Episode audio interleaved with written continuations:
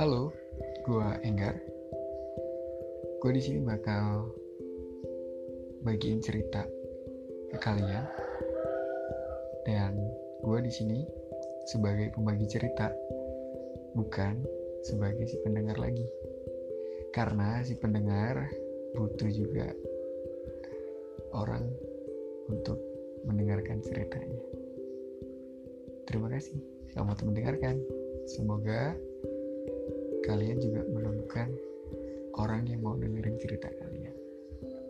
Atau aku, atau dia, atau siapa pun itu.